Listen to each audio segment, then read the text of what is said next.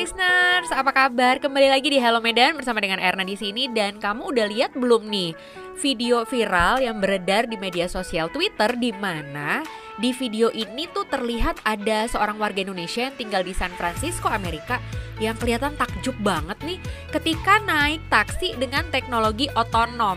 Jadi di video yang diunggah diposting sama akun Twitter at Mona Rizka itu terlihat kalau dia lagi menjadi penumpang taksi dan uniknya nih taksinya tuh udah pakai teknologi otonom jadi taksinya bisa jalan sendiri tanpa harus ada supir di belakang kemudinya. Jadi dia tuh kayak mengekspresikan ketakjuban dirinya naik taksi yang gak ada pengemudinya sama sekali. Jadi dia tuh sampai bilang kayak selama ini kalau manggil taksi nggak ada supir yang nyangkut. Nah sekarang ini manggil taksi malah nggak ada supirnya. Dan untuk diketahui, mobil listrik yang digunakan itu dikasih nama Cruise AV atau Autonomous Vehicle yang beroperasi di San Francisco, Amerika Serikat. Tapi sebenarnya mobil ini tuh menggunakan basis dari Chevrolet Volt EV atau Electric Vehicle.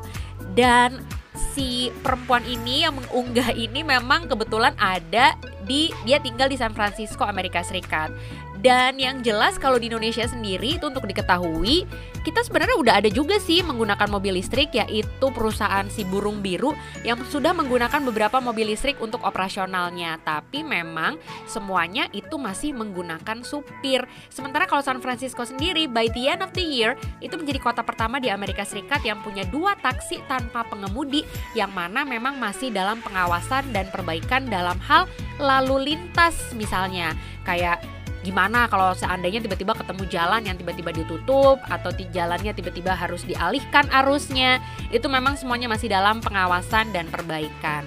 Kalau di Indonesia sekali lagi seperti yang tadi dibilang untuk perusahaan si burung biru itu memang udah ada beberapa mobil listriknya tapi memang semuanya masih menggunakan supir.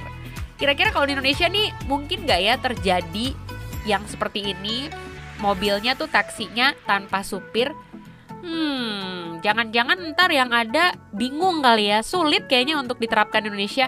Karena nanti takutnya bing mobilnya tuh bingung gitu, bingung ngelihat ada ibu-ibu belok kanan tapi sennya kiri.